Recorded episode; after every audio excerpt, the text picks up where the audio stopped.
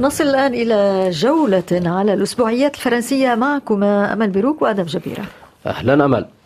أهلا أدم وصباح الخير انت صباح النور.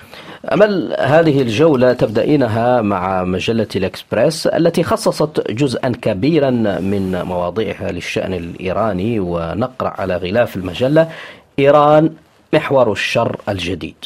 نعم أدم نقرأ في المجلة أن الجمهورية الإسلامية تدفع بالشرق الأوسط إلى الفوضى عبر شبكاتها المتشعبة في اليمن والعراق وسوريا ولبنان.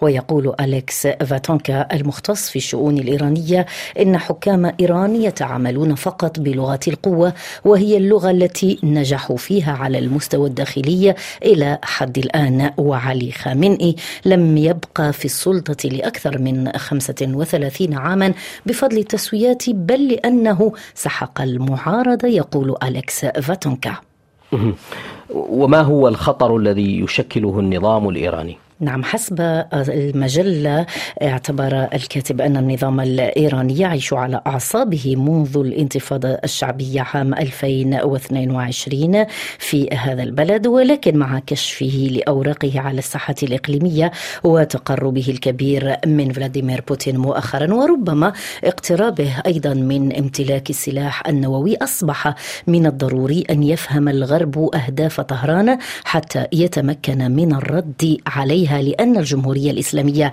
حسب كاتب المقال أصبحت قنبلة موقوتة في الشرق الأوسط.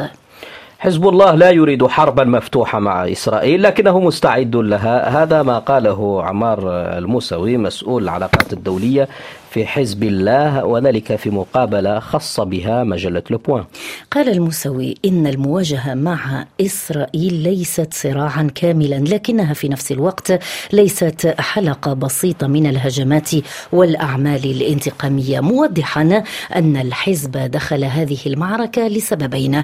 الأول لدعم أهل غزة الذين يتعرضون لإبادة جماعية حسب تعبيره والثاني لأن لبنان قلق من هذه المواجهة وتداعياتها على أرضه. وفي سؤال للمجلة عن أسباب عدم تحول المواجهة إلى حرب مفتوحة أجاب عمار الموسوي أن حزب الله لا يريد إدخال لبنان في مواجهة شاملة مع إسرائيل كما أن الأمريكيين والمجتمع الدولي لا يريد اتساع نطاق الصراع ويمارسون ضغوطا كبيرة بهذا الخصوص. وأكد الموسوي في هذه المقابلة أنه أنه لا معلومات لديه عن مفاوضات جدية لإيجاد حل دبلوماسي لهذه الأزمة. المجلة طرحت على الموسوي هذا السؤال هل يمكن أن يكون الحل هو انسحاب حزب الله من الحدود لصالح الجيش اللبناني وقوات اليونيفيل؟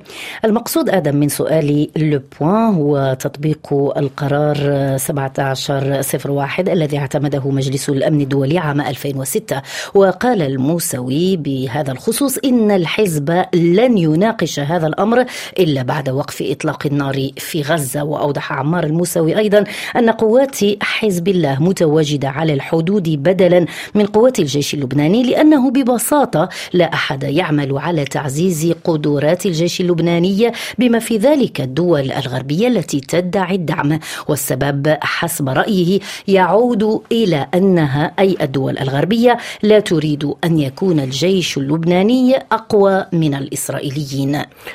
إلى موضوع آخر. إيمانويل ماكرون الرئيس الذي يثير الغضب بحق أو بغير حق. هذا العنوان لمقال نشرته الإكسبريس. توقفت المجلة آدم عند تصريح الرئيس الفرنسي إيمانويل ماكرون المتعلق بأن إرسال قوات إلى أوكرانيا غير مستبعد. واعتبرت كاتبة المقال أنه في الأساس ماكرون على حق. إذا كان الهدف هو البعث برسالة مبطنة لفلاديمير بوتين. وتقول الكاتبة إن كلمة القوات البرية هي التي أثارت الجدل وإيمانويل ماكرون. ليس أكثر عزلة هنا من المستشار الألماني الذي تعرض أيضا في السابق لانتقادات في ألمانيا بسبب تهربه ورفضه تسليم صواريخ تروس بعيدة المدى إلى أوكرانيا. وأشارت الكاتبة إلى أن وزراء من فرنسا وألمانيا سيجتمعون يوم الخميس المقبل لتمديد قمة الإليزي وستكون الأجواء هنا